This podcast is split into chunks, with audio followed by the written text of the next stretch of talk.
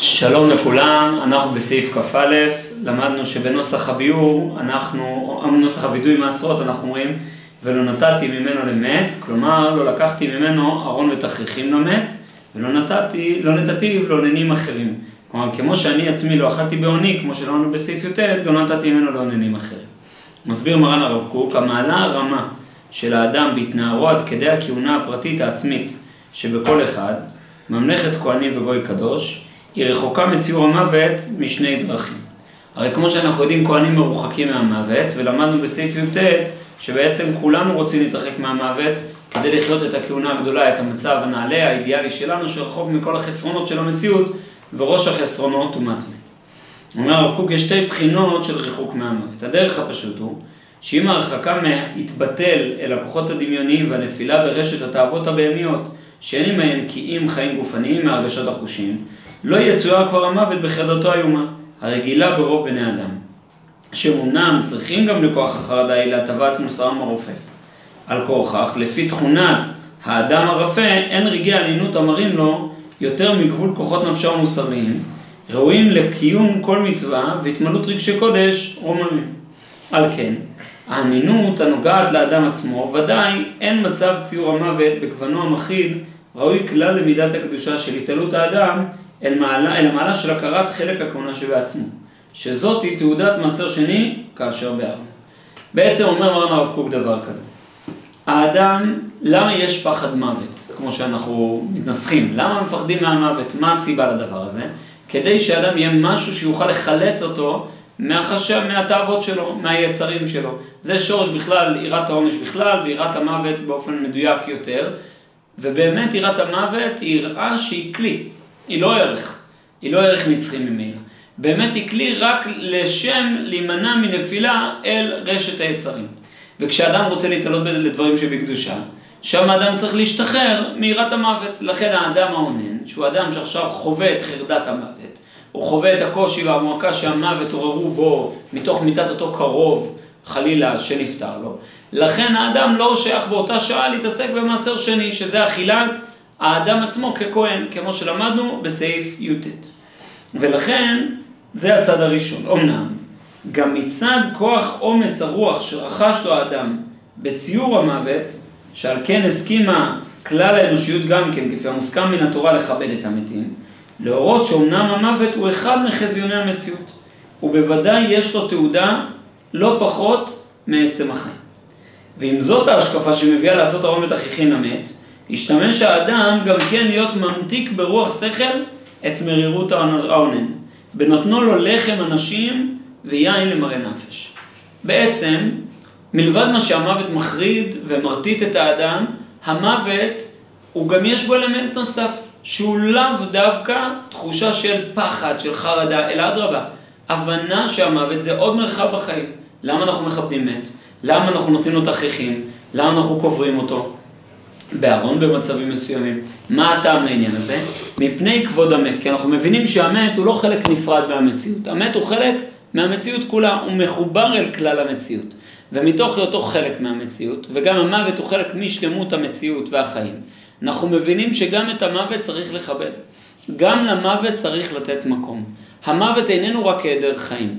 באמת, כמו שאומר הרב קוק, כל הפחד של המוות הוא בחרפת עמו יסיר, נגיע למצב שבו הוא לא יטלטל את האדם, כי אנחנו נבין שיש עוד אלמנטים של חיים, מחוץ לחיי הגוף. יש ממרה כזאת של רב אריה לוין לפני פטירתו, ככה מובא בצדיק יסוד עולם, שהוא אמר לאדם שהיה טרום מוות, הוא אמר לו שהוא מאוד מפחד. אמר לו רב אריה, אתה מאמין לי? הוא אומר לו, ודאי אני מאמין לך. אמר לו, אם אתה מאמין לי, אז תאמין לי ששם לא פחות טוב מפה. אנחנו באמת צריכים לדעת שגם, יש גם שם, יש גם מציאות מעבר לחיים. ולכן אנחנו מכבדים גם את המת ולא רק את החיים. הדבר הזה הוא גם טריגר לבוא ולעודד את אותו האונן. האונן מרגיש שזהו, עבד הכל. לא, תן לו לחם, אנשים ויין למראה נפש, אותו אמר נפש, תן לו יין, תעודד אותו, תשמח אותו, שהוא לא צריך להיות כל כך מר נפש, שבאמת טוב לנפטר. יש צד שהנפטר עכשיו חי במצב יותר טוב, לא תמיד הדברים מתקבלים, צריך בשום שכל לדעת איך אומרים, מתי אומרים ולמי אומרים כמובן. אף שזה הציור כבר קרוב יותר לדרך השיווי בכוחות הנפש, ועמו כבר ימצא האדם מעמוד, מעמד הגון לרוחו, גם מפני בעלת אימות מוות, מכל מקום ראוי להשריש שלא זאתי המרגיעה, ולא בפיוס קל כזה שאינו כי מחליש את המחץ, כבר יובן חזיון המוות על בריות שראוי יהיה לטעות להחליט שראוי הוא לחזיון תמידי בגורל האדם. כלומר, אומר הרב קוק, נכון שיש לנו נחמה שהמוות הוא חלק מהמציאות, ויש צד שהמוות הוא טוב, ויש צד... אבל אומר הרב קוק, בסוף הקדוש ברוך הוא שתל באופן כזה את המוות, שעם כל ההסברים עדיין נשאר לנו קושייה. עדיין הוא לא מתיישב לנו. לא זאתי המרגיעה. לא בפיוס קל כזה שאינו כי מחליש את המחץ. כלומר, כל התשובות הן רק מחלישות את מידת החרדה ומידת הקושי, אבל הן לא מבטלות אותה. למה? כי באמת, אם אני עכשיו אשכנע למה המוות הוא טוב, ממילא אני עלול לטעות להחליט שראוי לחיזיון תמידי בגורל האדם. מוות הוא טוב, נו, מצוין. אז שהמוות יישאר לנצח. אבל לא, השם יבלה את המוות לנצח, בסוף. בעתיד המוות בטל. ממילא, אם אתה תשכנע אותי שמוות הוא טוב, אני עלול להיכשל בהבנה טועה, לא, המוות הוא רע. נכון שיש לך אולי דרך להסביר אותו, אבל זה לא מתקבל לגמרי על הלב, ובזה אתה מבין שמוות הוא שלילי כשלעצמו. כי אם די לכוח השכל לחזק את רוח האדם לשאת את המרירות המוכחת. על כל פנים, כל זמן שכוח המוסר הכללי יצריך אותו.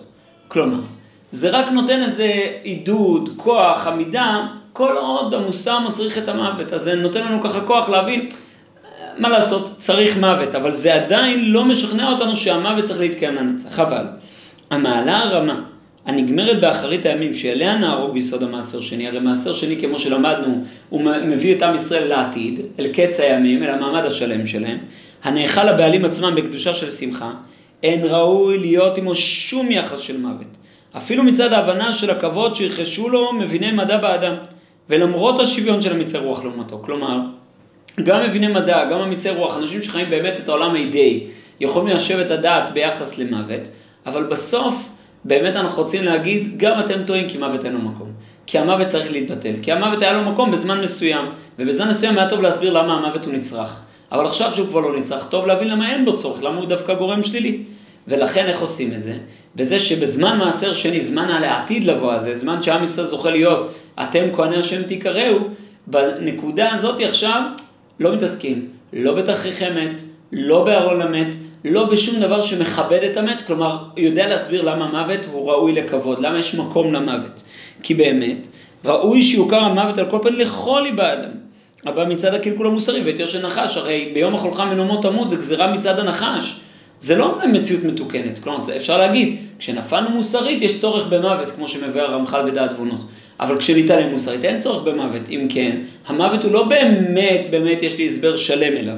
שעם כל ההשתלמות וגמר כל מעוות להתקן, מוכח הוא על פי אדון כל המעשים להיבטל מן העולם, עד שלא יהיה לו זכר עם המעמד היותר מכובד ומלא עוז. כלומר, בעולם מתוקן אין מוות בכלל. אז שאנו מובטחים להגיע עד אב, לולא האמנתי לראות בטוב השם בארץ חיים. כלומר, אני אזכה לראות בטוב השם, זה יהיה במצב של ארץ חיים, ארץ חיים ולא ארץ שיש בה מציאות של מוות וחידלון.